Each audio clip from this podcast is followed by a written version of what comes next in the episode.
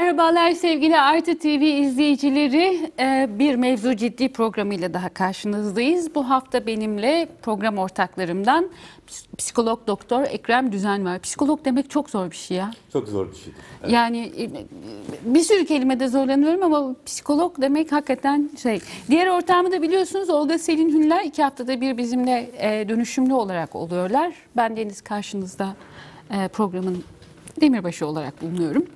E, tevazuda sınır tanımıyorum galiba.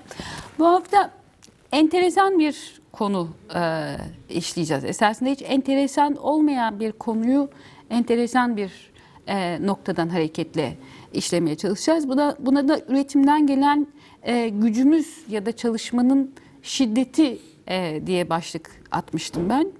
E, derdimiz de şu olacak.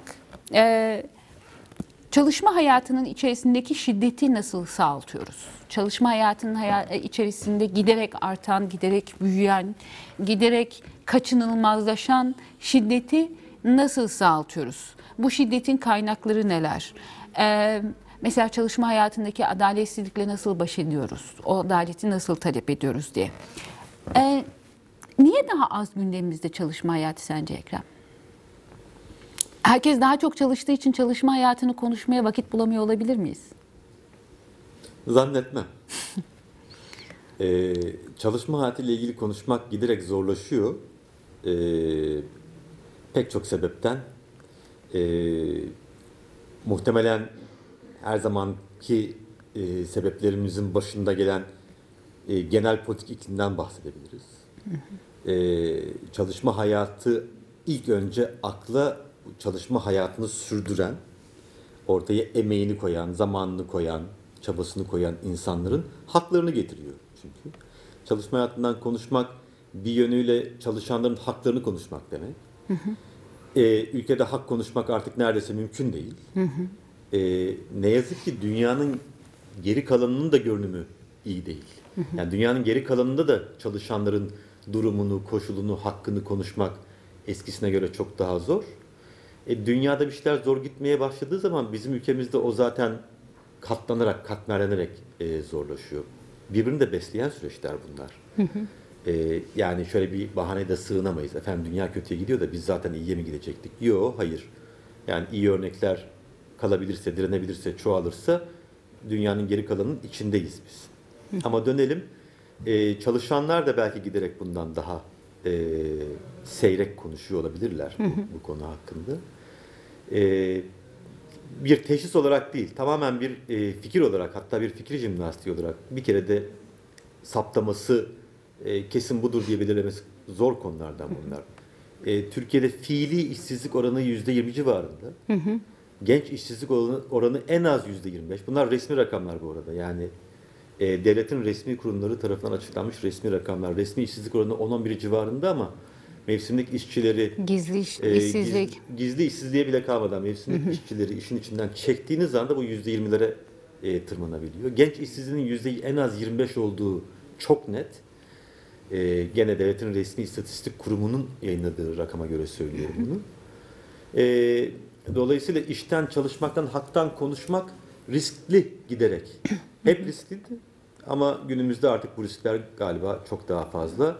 İnsanların da bu riskleri göze alacak halleri e, giderek galiba kalmadı. Konuşmamanın, çalışma hayatını gündeme getirmemenin, çalışma hayatı üzerinden, emek üzerinden bir siyaset yapmamanın ve bunu ikinci plana atmanın bazı sonuçları var. Bu sonuçların bazıları da iş yerlerinde. Şimdi ilk videomuzu seyredelim. O sonuçlar neler olabilirmiş?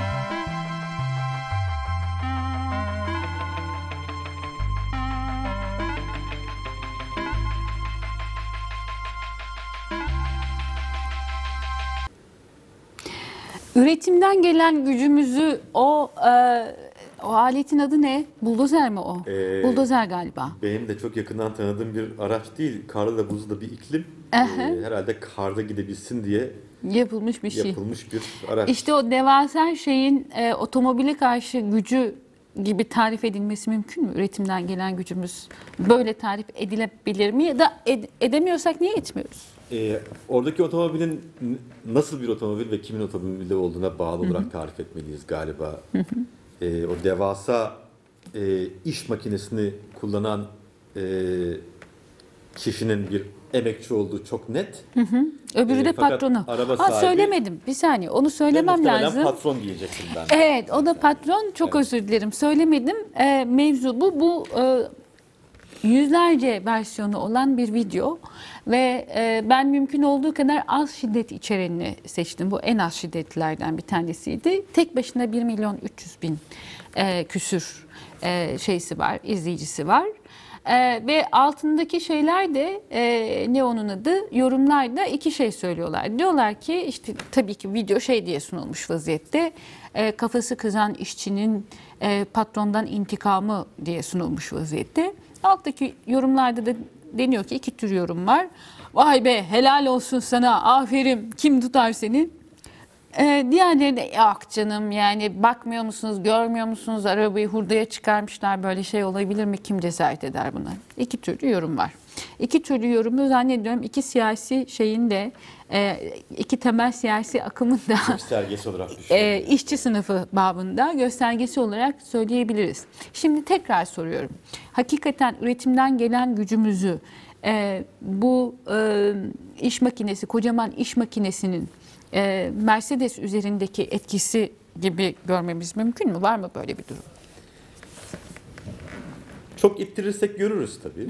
E, fakat bunu e, sistemli, düzenli e, bir e, tepkiden çok e, bir hak arama mücadelesinin bir parçasından çok e, daha kişisel, bireysel düzeyde bir e, eylem olarak görmek daha doğru olur. E, böyle bir hareket karşısında bu arabayı ezen iş makinesi operatörünün gerçekten peşinde olduğu, sağlamaya çalıştığı denge her neyse onu kuracağı çok şüpheli. Ee, yüreğini soğutmuştur. Yani bunun gerçek olduğunu düşünelim. Gerçek değilse bile gerçek olmasını arzulayan belli ki bir milyon insan var. Hani e, izlemiş ve helal olsun demişler arasında. Ee, ama bu bir yüreğini soğutmadan çok öteye geçemez. Tabii yüreğini soğutma deyip hafife alıyor değilim. Çok önemli. O da lazım. Çok da lazım. Ee, bazen yüreğini soğutabilmektir yegane önemli e, konu, nokta. Ya da yüreğini soğutacak ki serin kanlı olarak sonraki adımlara devam edebilsin. Ee, bu görüntü çerçevesinde kalacak olursak e, belli ki bir bir haksızlığa, bir e, belki bir eziyete, belki uzun süreli maruz kalma var. Hoş işçi olup emekçi olup hani haksızlığa, eziyete maruz kalmamak Mümkün değil. mümkün değil. Ee, onu zaten öyle kabul ediyoruz diye devam ediyorum. Ama e, ölçüyü aşmış olmalı. E, bardaklar taşmış olmalı. E, son kertede eh ne olursa olsun inceldiği yerden kopsun. O yüzden daha bireysel tepki diye düşünmek lazım. Daha örgütlü hak arayışlarında inceldiği yerden kopsun denecek yerler gelebilir. Ee, ama denenen yol, gidilen yol daha çok e, nasıl tekrar tesis ederiz, nasıl bağlarız, nasıl bir sonraki aşamaya, bir sonraki düzeye geçerizdir. Ee, bir adalet tesisinden daha çok bir kişisel adalet tesisi e, motivasyonu olduğunu söyleyebiliriz. Ee, insanların ezilmeye ya da haksızlığa uğramaya ilişkin bir tahammülleri var. Hepimizin var. Hepimiz gündelik olarak ya da sistematik olarak haksızlığa uğruyoruz. Ee, bunun bir tahammül noktası var. Bu tahammül noktası aşıldığı anda insanlar normal normal ezilme süreçlerinde göze almayacakları bedelleri göze alıp bu tür eylemlere kalk- kalkışabilirler. Ee, hemen şu cümleyi edip e, sözü teslim edeyim. Ee, öz saygımızdan çalar e, bu ezilmeler ve haksızlığa uğramalar. ama öz saygıda bir kuvvettir. Bir direnci vardır. E, çeşitli meşrulaştırmaları e, ya da dayanmaları olur. Karşılayamayacağı, artık yıpranmaya, yıpranmayı tamir edemeyeceği bir seviyeye geldiği zaman inceldiği noktadan kopsun demek aslında benim öz saygımın bunu buradan daha fazla e, direnecek hali kalmadı demektir. Onu korumak için daha yüksek bir bedel ödemeyi ödemeyi göze alabilir insanlar. Mevzunun araba olmasına takılacağım ve bu hasetle mi açıklanmalı diye soracağım. Ee, gerçi şöyle bir mesele var. Ya, üç buçuk okumuşluğumla haset hakkında. Ee, haset e, şeyin e, o iş makinesinin Mercedes'i duyabileceği bir şey değil. Ee, Mercedes'e Audi'nin ya da BMW'nin duyabileceği bir şey galiba. Yani daha benzerlerimize e, kendimize yakın erişebileceğimiz yerde olup da henüz erişmediğimiz şeyler için haset besliyoruz. Buradaki intikam mı? Ee, İntikamsa neden araba? Yani ne- neden gidip e, başka bir videoda şey vardı mesela hani e, bir uluslararası küresel bir e, burger e, zincirinin e, önünde yapılmış e, daha doğrusu çatısında yapılmış bir başka videoda e, işçi patronun tepesinden aşağı dışkı dolu bir kovayı boca ediyordu. Bu mesela bana bundan daha keyifli bir şey gibi geliyor. Bundaki keyif ya da bundaki sağaltıcı şey ne? Şiddet mi mesela? Ben bunu çok şiddet eylemi olarak görmezdim. Ee, her ne kadar bu eylemi yapan kişinin cezalandırılacağı yer işte şiddet uygulamak, zarar vermek, mala e, şunu bunu etmek olacak idiyse halbuki karşı tarafın verdiği mala cana zarar hiç hesaba katılmazken bildiğimiz hikaye o. Hasetten girecek olursak çok doğru bence oradaki e, saptaman. Haset eşitler arasında e, gerçekleşebilecek bir duygu alışverişi. Çok hani hangi sınıftan olduğunuzun çok bir önemi yok. İster e, kenar mahalleden olun, isterseniz jest sosyeteden olun. Sizin eşitinizin sahip olup da sizin olmadığınız bir şey. Aslında bu kıskançlık. Sizin sahip olamayacağınız ama onun sahip olabileceği bir şeyi onun onun sahip olmamasını arzu ettiğiniz zaman haset. Haset şu değil yani sende var. Yok değil. Hı hı, Tabii. Ee, o ben de çekememek. onu kıskanıyor. Çekememe, kıskançlık. Haset Ee, senin Sen de ol- elindekini de e, elindekini yok edeceğim. Olmasın ya da olabilecekse, olmuşsa onu kaybet, kaybedesin. Ama eşitler arasında olabilecek bir şey. Ama gidip yok etme durumuna gelmesi başka bir Başka şey bir tabii. şey. İntikam fazla ağır bunun için. Çünkü eee intikam da normal şartlar altında eşitler arasında olması gereken bir hadise. Sen bana bunu yaptın, ben de sana bunun karşılığında bunu yapıyorum diye. Şimdi buradaki haksızlığa uğrama veya, ezilme sistematik. Dolayısıyla intikam vari bir reaksiyon yaratacağını söyleyebiliriz ama saf intikam ona demek çok e, doğru olmaz. Bir e, zemini var, bir bir ağır tahrik durumu var, bir sürekli e, maruz kalma durumu var. Ama nihayetinde bunu karşılama biçimi, buna reaksiyon verme, tepki verme biçimi bir çeşit zarar vermeyi içerdiği için ya bu böyle intikam kümesinden çok da uzakta değil diye düşünebiliriz. İntikam yürek soğutan da bir eylemdir, kısa vadelidir. O an için soğutur. Sonra insanın başına çok büyük dertler açar.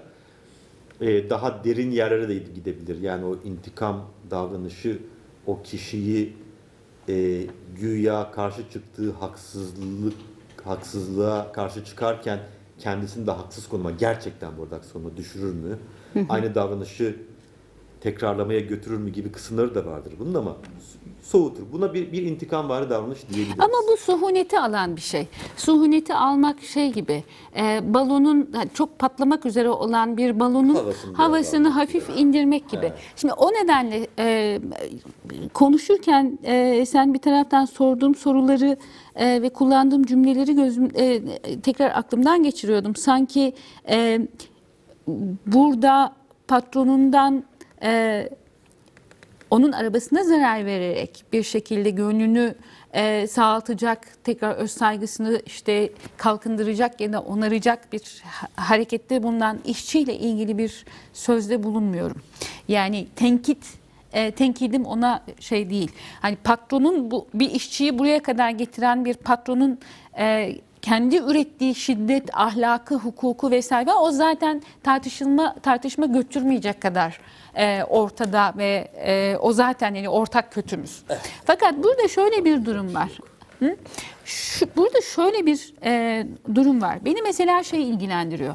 Neden o adamcağız yalnız başına böyle bir işe girişiyor? E, ya da izleyenler, e, izleyenlerin özellikle şey de demiyorum. Hadi canım böyle bir şey yapmış olamaz vesaire falan diyenleri de boş verdim. Ama yürü koçum diyen ama bunu yapmamış olanların e, halleriyle ilgili azıcık e, konuşmak istiyorum açıkçası. Bunlar hakkında ne söyler? Birazdan başka bir video daha seyredeceğiz. Orada da tekrar geleceğiz bu noktaya. Fakat Hani böyle bir performansı ki çok belli ki bu adamın başına çok işler gelecek. Şimdi şeyin altında dediğim gibi videonun altında bir sürü şey var. Yok canım arabayı hurdaya çıkarıyorlar vesaire falan. Hakikaten bu üzerine öyle yazılıp servis edilmiş bir videodan Olabilir. ibaret olabilir. Ama şu anda fark etmez bu. Çünkü böyle algılanmış vaziyette. Bizim tarafımızdan değil 1 milyon 300 kişi, 300 bin kişi tarafından. Herkes tarafından. da bakmamızı engellemez. Velev ki Ama mesela ben olsam bunu yapan e, adamın e, yani bu, bu adamcağızın bu işçinin arkadaşlarından biri olsam orada e, başına nasıl bir iş alacağını bildiğim için Hmm. ona derdim ki ya kardeşim yapma bak. Yani ya, bu işin e, arkasında e, ardından başına gelecek şey ya o Mercedes'in fiyatı kadar parayı hatta başka paraları ödemek zorunda kalacağını kim bilir belki de işsiz kaldın. Dolayısıyla zaten bunu ödemeye gücün yetmeyecek. E bunu yapamadığın durumda hapse gireceksin bilmem ne olacaksın vesaire falan. Dolayısıyla hukukla başın derde girecek. Öbür taraftan bu şu anlamına gelmez. Senin davranışının meşru olduğunu düşünmüyor değilim. Hukukla meşruiyet arasında bir fark var ve hukukun karşısında meşru olandan yana bir tavır alıyor. Ee, belki de bunu şey yapan Ee, ama kendisi de yapmıyor. Bir kahraman bulmuş, bir avatar bulmuş, ona yaptırıyor. Videoyu her izlediğinde tekrar tekrar yaptırıyor ve bundan gönlün, gönlünün e, şeysi gazı alınıyor belki de ve sonra bir şey olmuyor aslında. Ne dersin? Bir önceki e, işaret ettiğim bir noktadan buraya bağlamaya çalışıyorum. İşte neden araba, neden başka bir şey? Şimdi bu bir şiddet eylemi ama mesela cana bir kasıt yok. orada. Yok, hayır. E, ya da e, işte evine o araçla evini yıkmıyor. Allah Arabayı korusun. hedef almış. E, araba bir gösterge. Araba neyin göstergesi? E, oradaki işte işçi, işveren, patron artık canımızın istediği gibi bence tarif edebiliriz. Hiçbir sıkıntı yok. E, zaten e, bir emek sömürüsü ilişkisi içinde zaten bir ezen ezilen durumu var. İşin doğası gereği böyle. Yani bunları böyle romantik terimler olarak söylemiyorum. E, işçinin yarattığı bir değer var. O değerin e, işveren tarafından, patron tarafından El konulması. e, el konulması söz konusu. Nokta. Bir de üzerine bu yetmiyormuş gibi böyle bir araba ediniyor bu patron. E, dolayısıyla onun hedeflenmesi ya ezdin yetmedi bir de üzerine tüy diktin. Yani biraz o dikilen tüyü yok etmek üzerinden bir yürek soğutma bu. E, şimdi meşruiyet e, hukuki yasallık diyelim. Hukuki bile olabilir. Hukuku biz yani insan ilişkisinde kurduğumuz bir hadise olduğu için e, yasal olmayabilir ama meşruiyeti var. Ben de bakınca helal olsun demek geçiyor içimden. Hem de Fazlasını nasıl? söyleyeyim. Kesinlikle. E, yani işte belli bir neyse o çizgi şimdi tam tarif veremem ama e, belli bir e, marka, model, e, fonksiyon üzerindeki arabayı üretmek, edinmek o milyon işte dolarları, euroları, TL'leri neyse vermek bana göre suç mesela. Yani meşru değil. Ben olsam kriminalize ederim. Yasal olmaktan da çıkarırım. Yani şimdi ben meşru bulmuyorum. Ama yasal mı? Yasal. Yani yasalara göre paranız varsa o arabayı alabiliyorsunuz. O arabanın var olması ve alınabilmesi ve kullanılabilmesi bence suç olmalı. Böyle bir şey- böyle bir ya dünya başka türlü olmalı ama dünya öyle bir dünya değil. Şimdi bu videoyu izleyip altına yorum yapan insanlar bu kişi aracılığıyla yüreklerini soğutuyorlar. Bu hani katarsis baş, temsiliyet üzerinden e, o eyleme fiile katılma. Meşruiyet de bu şekilde sağlanıyor. Birinin Belki de eylemi ya da birkaç kişinin eylemine katılma, doğru bulma, haklılaştırma. Yasal olarak onun lafzı başka türlü olsa dahi, Olabilir. bunlara izin veren bir metin olsa dahi, yas- yasa metni olsa dahi kişiler ortaklaşa bir birbirini onaylamayla onun meşruiyetini oluşturuyorlar. Burada da o meşruiyet oluşmuş durumda. Şimdi başka bir e, araca gideceğiz. Parçalanan başka bir araca gideceğiz. Arkadaşlar videomuzu seyredelim. Sonra bakalım o hangi araçmış.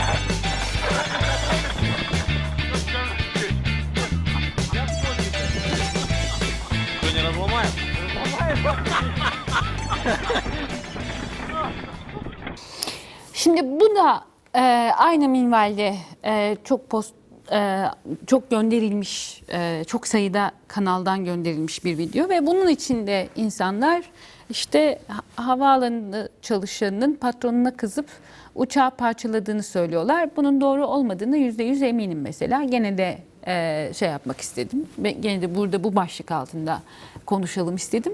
Niye eminim? Etraftaki insanlar gülüyorlar. Orada bir e, şey var. E, kokpiti ayırıyor sanki uçağın gövdesinden. Dolayısıyla o uçak gerçekten parçalanmaya e, karar verilmiş bir uçakmış bir görünüyor.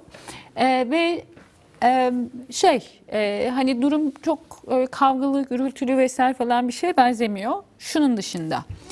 O çalışma kepçe bu sefer ismini biliyorum. Kepçenin e, kabalığının, yere aitliğinin, ağırlığının tıpkı işçi sınıfı gibi belki de uçağın havaya ait olması, uçucu olması, sofistike bir teknoloji olması ve bu ikisinin karşı karşıya geldiği yerde kepçenin koşullarında karşı karşıya geldiklerinde başına diğerinin sofistike olanın ne gelebileceği o kahkahaları ben biraz öyle gördüm.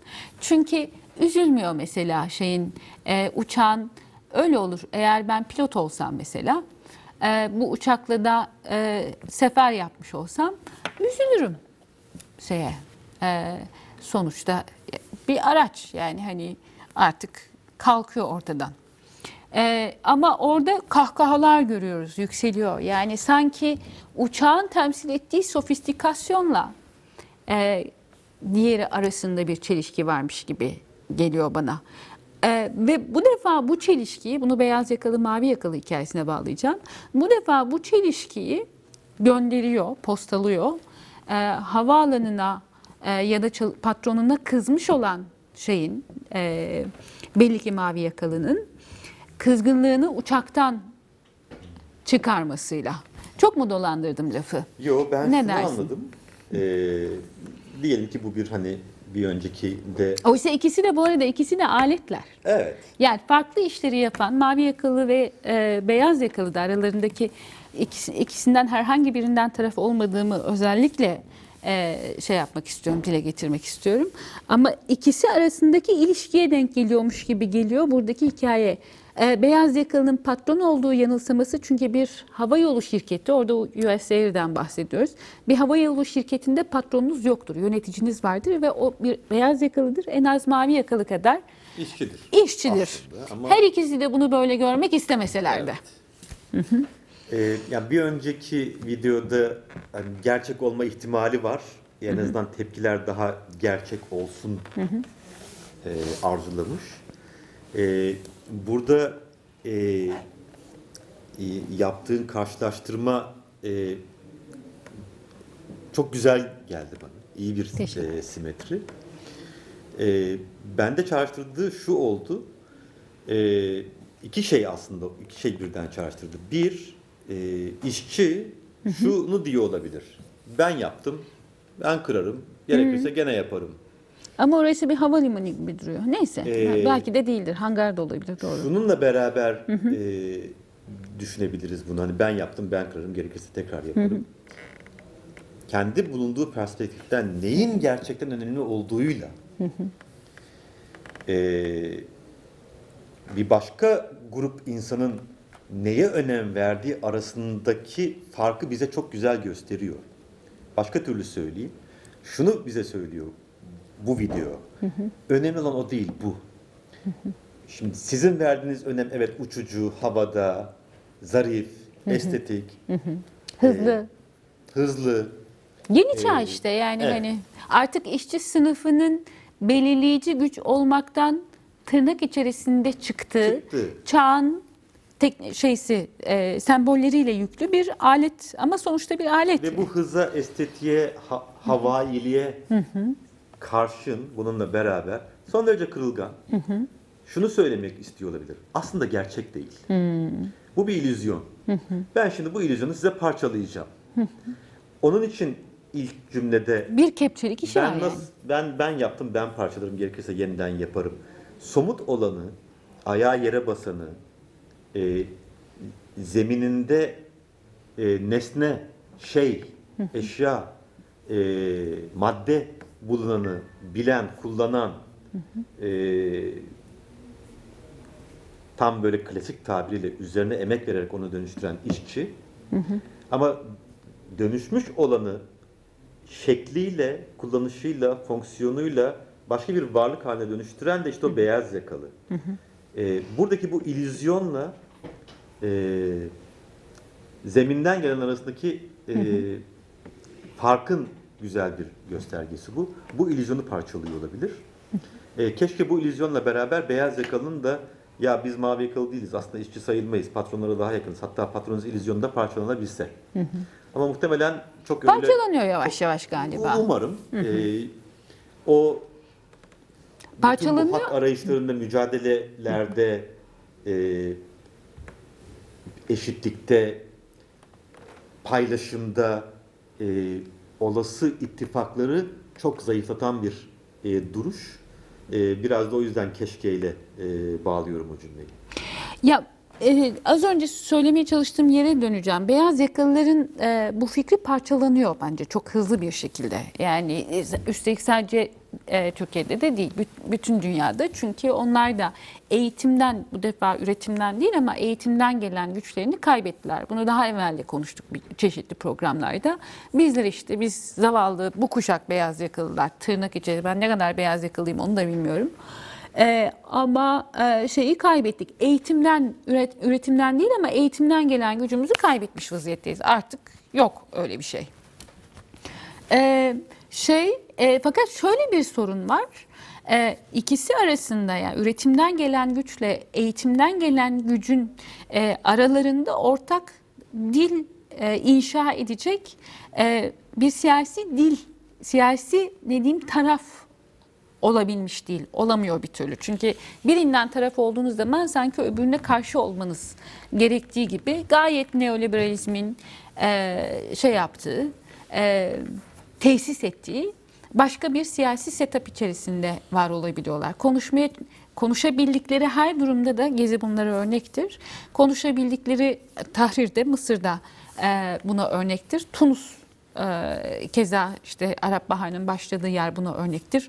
Ök- Occupy e, hareketleri hem şeyde Avrupa'da hem Amerika'da buna gayet örnektir. Ne zaman konuşabilseler bunlar o ortalık kıvılcımlardan geçir, geçilmiyor. Ama Ama ittifak kırmak için çok özel önlem- önlemler alınıyor. e, e, ondan beri dünya muhafazakarlaşıyor. Çünkü oradan gelen o enerji, o sinerjiye, o sinerjinin, o taleplerin yaratabileceği dönüşüme katlanabilecek gibi değil e, şey.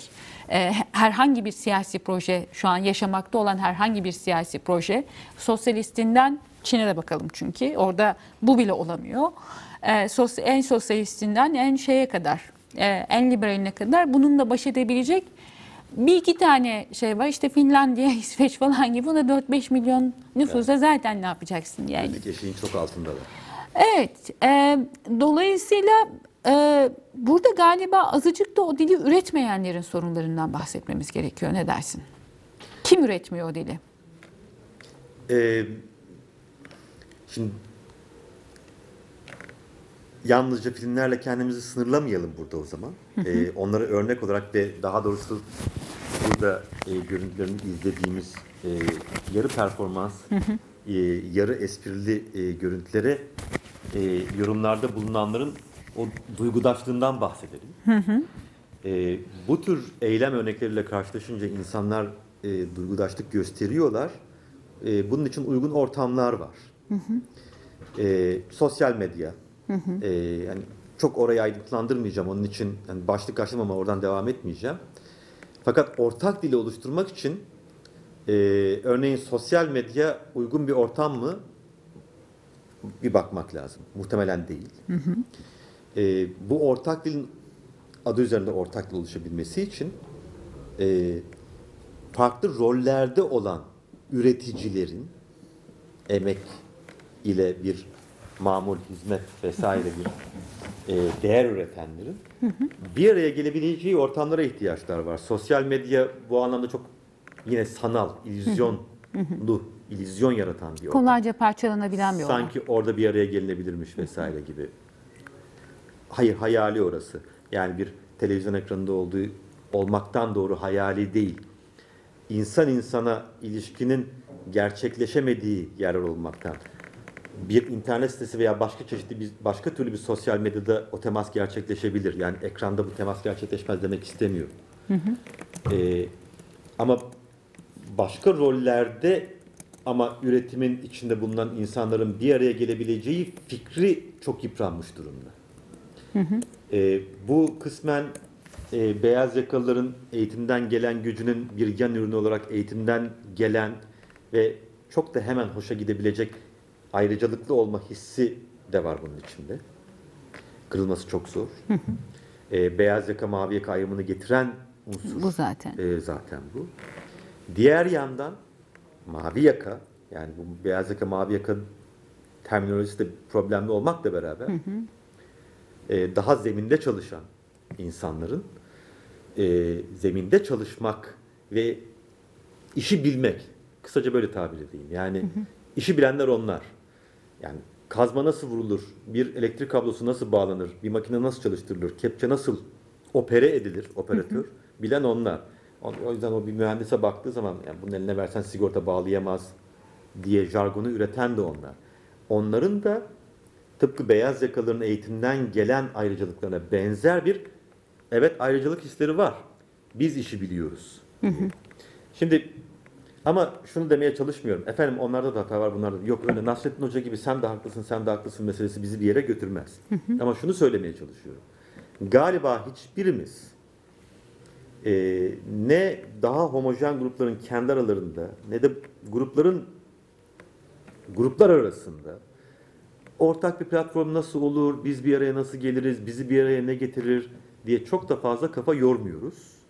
Onun yerine zaten otomatik olarak bizi bir araya getiren başka e, motifler, mesela müzik olabiliyor, bir takım eğlenceler olabiliyor, E, bazı yürüyüşler, haller, hareketler olabiliyor. Onların da hem sayısı, hem etkisi, e, hem şiddeti, etkilik anlamında söylüyorum gene azalıyor olmakla beraber.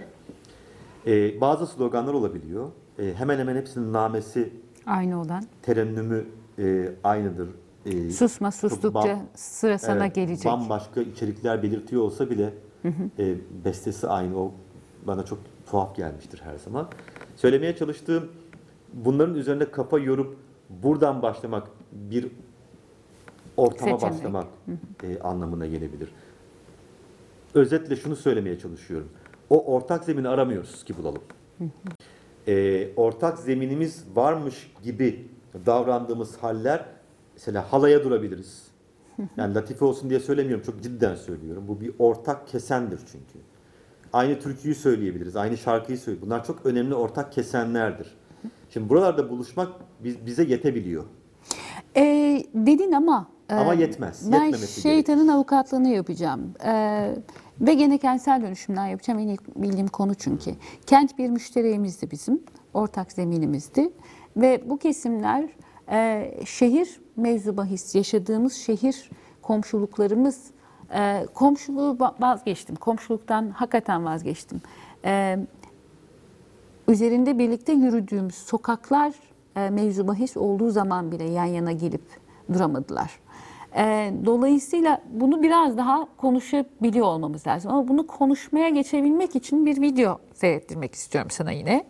E, bu defa olmuş e, ama belki de yalnız olduğu, tekil olduğu için olmuş bir durumdan e, bahsedeceğiz. Kısmen başarıya ulaşmış bir e, eylem bu defa. Gene bir işçi eylemi. 1991'de e, Türkiye'de yapılan, Zonguldak'tan Ankara'ya e, doğru yapılan e, madenci eylemi. Bu yürüyüşü, yürüyüşle ilgili bir toparlamamız var. Onu izleyebilir miyiz arkadaşlar?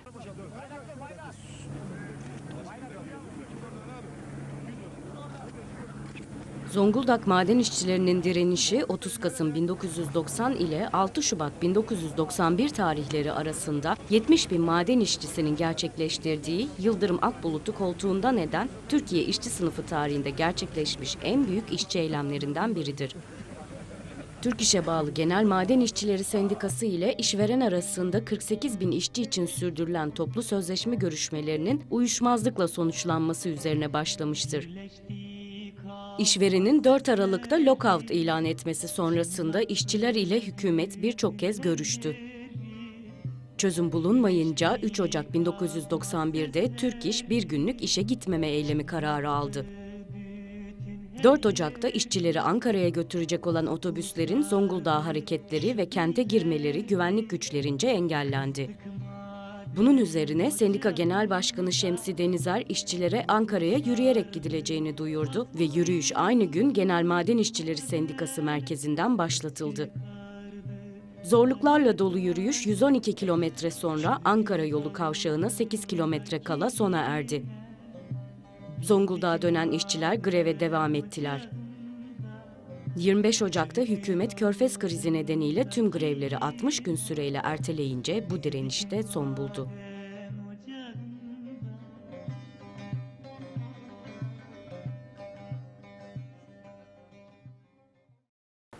Bu ne zaman izlesem hala tüylerimi diken diken eden bir hikaye. Ben daha çocuktum bu olduğunda. Sen? Benim gençlik yılamadım. Eyvallah. O kadar da çocuk değildim. Şaka ediyorum. Ee, fakat hakikaten çok önemli bir şeydi ve biz günlerce merak etmiştik. Gerçekten ulaşabilecekler mi Ankara'ya yolda mı? Bir saldırıya uğrayacaklar. En önemli meselelerden bir tanesi galiba 1980 darbesinden sonraki en büyük e, işçi eylemlerinden bir tanesi olmasıydı ve 1980 darbesi hala e, kimileri reddetse de e, aslında işçi hareketine karşı e, emek örgütlenmelerine karşı yapılmış ve onları onların uydusu olarak gelişmiş diyeceğim. E, bir sol siyasete karşı yapılmış bir eyle, e, bir- ihtilaldi, bir e, darbeydi. Kalkışılmış bir darbeydi. Bunun gölgesinde toplu sözleşme yapamadıkları için, toplu sözleşmede taleplerini yerine getiremedik, yani taleplerinin karşılığını alamadıkları için işçiler yürümeye başlamışlardı Zonguldak'tan. E sonra en azından Yıldırım Akbulut'u e, şey diyelim Özal'ın Binali, Binali Yıldırım'ını öyle diyebilir miyiz? De rahatlıkla değil. ya, Özal'ın. Binali Yıldırım'ını e, istifa ettirecek e, bir güce ulaşmışlardı. Hatta grev yasaklatacak bir güce ulaşmışlardı. Demirel'e yollar yürümekle aşınmaz delirttiler. E, çok büyük bir umut e, bağlandı bu yürüyüşe. E, bir kısmını da aldılar aslında şeylerinin e, daha sonra. E, bu eylemin karşılığı değilmiş gibi yapıldı o iş gerçi ama e, taleplerinin bir kısmı da gerçekleşti. Bununla az öncekiler arasındaki fark ne? Bir de oradan buraya nasıl gelindi? Çünkü arada o kadar fark yok. Yani orada daha dün olmuş 1980 darbesi gibi bir korkuya rağmen e, yürüyebilen 70 bin kişi söz konusu.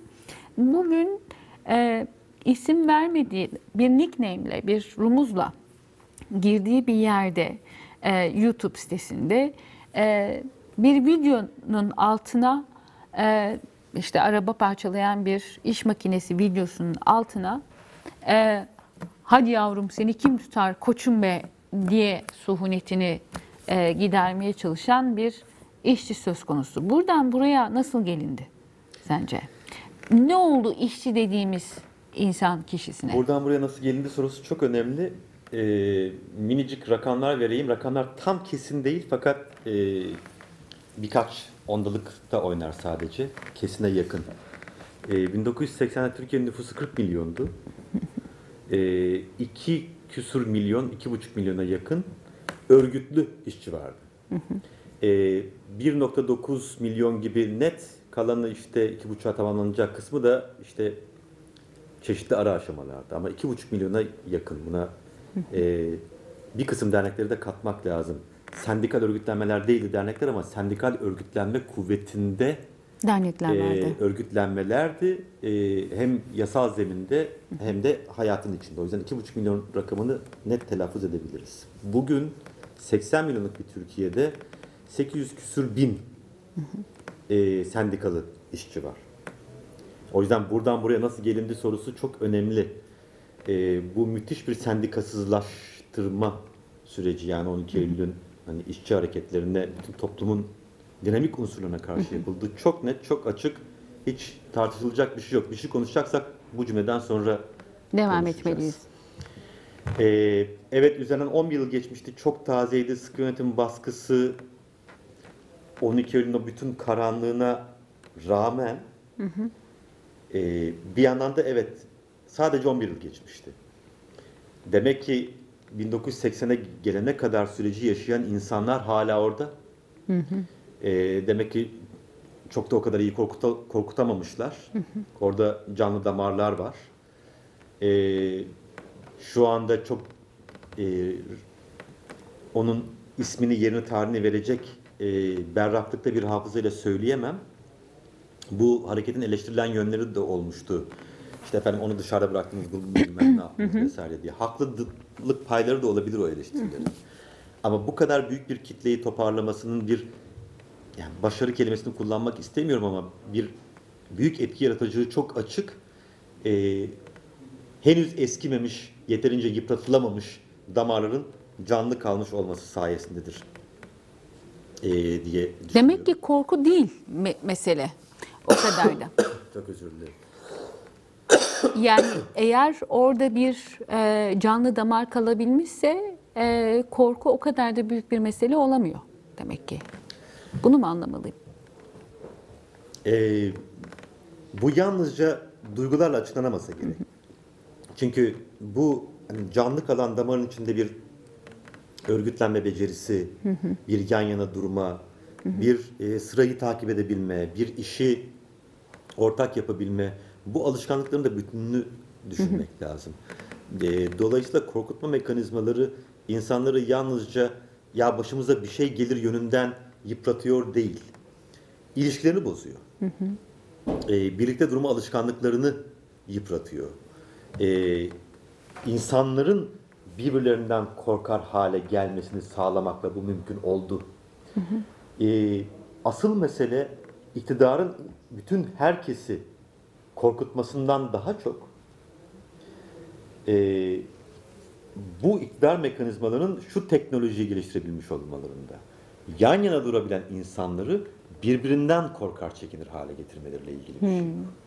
Dolayısıyla biz şimdi e, analizimizi işte iktidar e, bizi hani şöyle yıldırma politikaları var, böyle bozgunculuk yapıyor.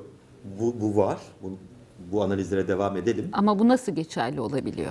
Bu nasıl köklenebiliyor? Bu nasıl toplumu veya örgütlenmeleri bu kadar zayıflatabiliyor? Neden biz 2,5 milyondan 800 bine geriledik? Neden sendikalaşma faaliyeti köklenemiyor, giderek zayıflıyor? Belki sendikada işçi kalmayacak çok yakın bir gelecekte. Ya Sendika bile kalmayabilir Çünkü bu gidişle. korkutma faaliyetinin asıl çalıştığı yer, ya biz topyekun korkutuluyor değiliz. Öyle olsak topyekun bir Tek tek. kendimize gelir. Bir karşı hamle yaparız belki. Ama yanımızda beraber e, güya bir korkutan var, biz de korkuyoruz. İkimiz aynı şekilde korkmuyoruz. Biz birbirimizden korkar hale gelmiş durumdayız. Ya da güvenemiyoruz. Hem yalnızız hem yalnızlaşıyoruz. Yalnızız, yalnızlaşıyor, güven, güvensiziz, güvensizleşiyoruz. E, bunun çok sayıda örneği var. Ve sadakatten fazla şans, başka şansımız da kalmıyor bu durumda iktidarla ilişkimizde öyle mi? e, bir yere güvenmek zorundayız. Şimdi günümüzde geldiğimiz nokta mesai arkadaşının mesai arkadaşımın beni ne zaman ispiyonlayacağı meselesi. İspiyonlayıp ispiyonlamayacağı meselesi olmaktan çıkmıştır. Bunun ne zaman Bu olacağı? bugün mü olacak, yarın mı olacak meselesi. E, şimdi hiç kimse bir yerlere yaslanmadan sırf kendi kuvvetiyle kendisini güvende hissedemez. Bu yüzden bu korkutma mekanizmasının bütün bunlar araç yani insanları birbirinden korkar ve birbirine güvenmez hale getirmesi de hala bir araç. neyin aracı? Ee, benim doğrultumda e, yürüdüğün sürece güvende olma ihtimalin var. O da eğer benim tarafımda olduğunu yüksek sesle haykırırsan ve haykırdığın sürece. Yani sessiz biat koşullarını çoktan geçmiş durumdayız. Sessiz olmak yeterli değil. Bayraktar olmak. Sürekli haysiyetinden taviz vermeni istiyor senden böyle böylesi bir Unutmanı istiyor. Taviz vermek de değil. Yani unut haysiyeti. Evet yani ben ben benim var olmam ya da bu bulunuşum haysiyetin kendisi. Sen buna tabi olduğun sürece bir hayat hakkın ve şansın var. Ee, yani ille çok lazımsa sana haysiyet, haysiyet budur. Gerisi de boştur. Ee, diye bir politika ve çok da tutmuş durumda bu. Çok güzel Ee, özetledin. o yüzden hani haysiyet kimsenin umurunda Hays- değil. haysiyeti güce e, tabi olmakla yeniden tarif eden e, bir nevi Bu- bu haysiyetle asalıklığı. Evet, asalaklığı yani, yan yana. E, haysiyet senin zannettiğin şey değil, haysiyet güçlü olmaktan ibaret bir şey. Onu da nasıl elde ettiğin çok, zaten çok da fazla bir önemi yok.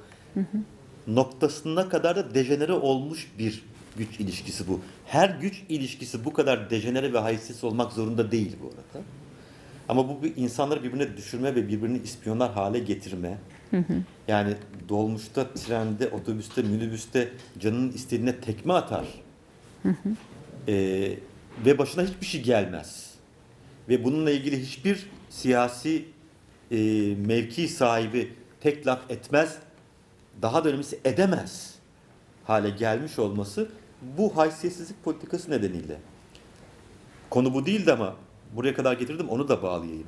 Bu siyasilerin bugün gücü tekme atanı güya gözaltına alıp sorgulayıp tekrar serbest bırakana onu niye serbest bıraktın demeye yetmez. Bir daha isteyeceğim. Bunu anlamadım. Bugünkü siyasilerin, ülkeyi yönetenlerin gücü, siyasi gücü. Minibüste falanca kadına tekme atan bir adam. Ha. Efendim işte benim hoşuma gitmeyen şekilde oturdu diyen bu adamı gözaltına alıp bırakan kolluk kuvvetlerine niye onu serbest bıraktın, niye tutmadın demeye yetmez gücü. O zaman en çok kendisinden korkmaya başlamış demek. İyi eder. Ee, çünkü bu ehliyeti o verdi. Yani Çürüme ehliyetini. evet, bu ehliyeti o verdi. Bu ehliyeti alan kişi kendisini o ehliyeti aldığı için burada tutuyor. Yani bu korkutma politikasının gelip dayandığı yer Yani oyuncağı kıldı kendisini içeride harekete geçirdiği kötülüğün. bu korkutma politikasının gelip dayandığı yer evet bu çürümeyi yaratmak ve şu anda artık korkutmaya değil çürümeye dayanarak ayakta durabilir. Ne kadar daha ayakta durabilir? Neye kadar diyeyim daha doğrusu e, zarf anlamında sormuyorum. Yani ne Tamam. zaman olacak tamam. değil, zaman değil Şartını ama hangi duruma kadar?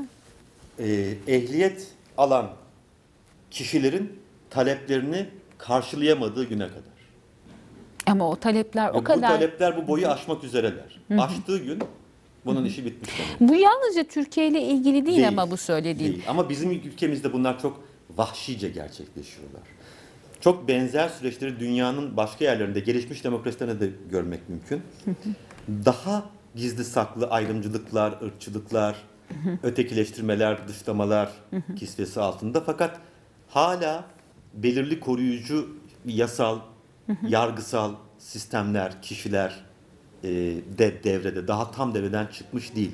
Bizde devreden çıkması bir tane KHK'ya baktı. Bitti. Bitti.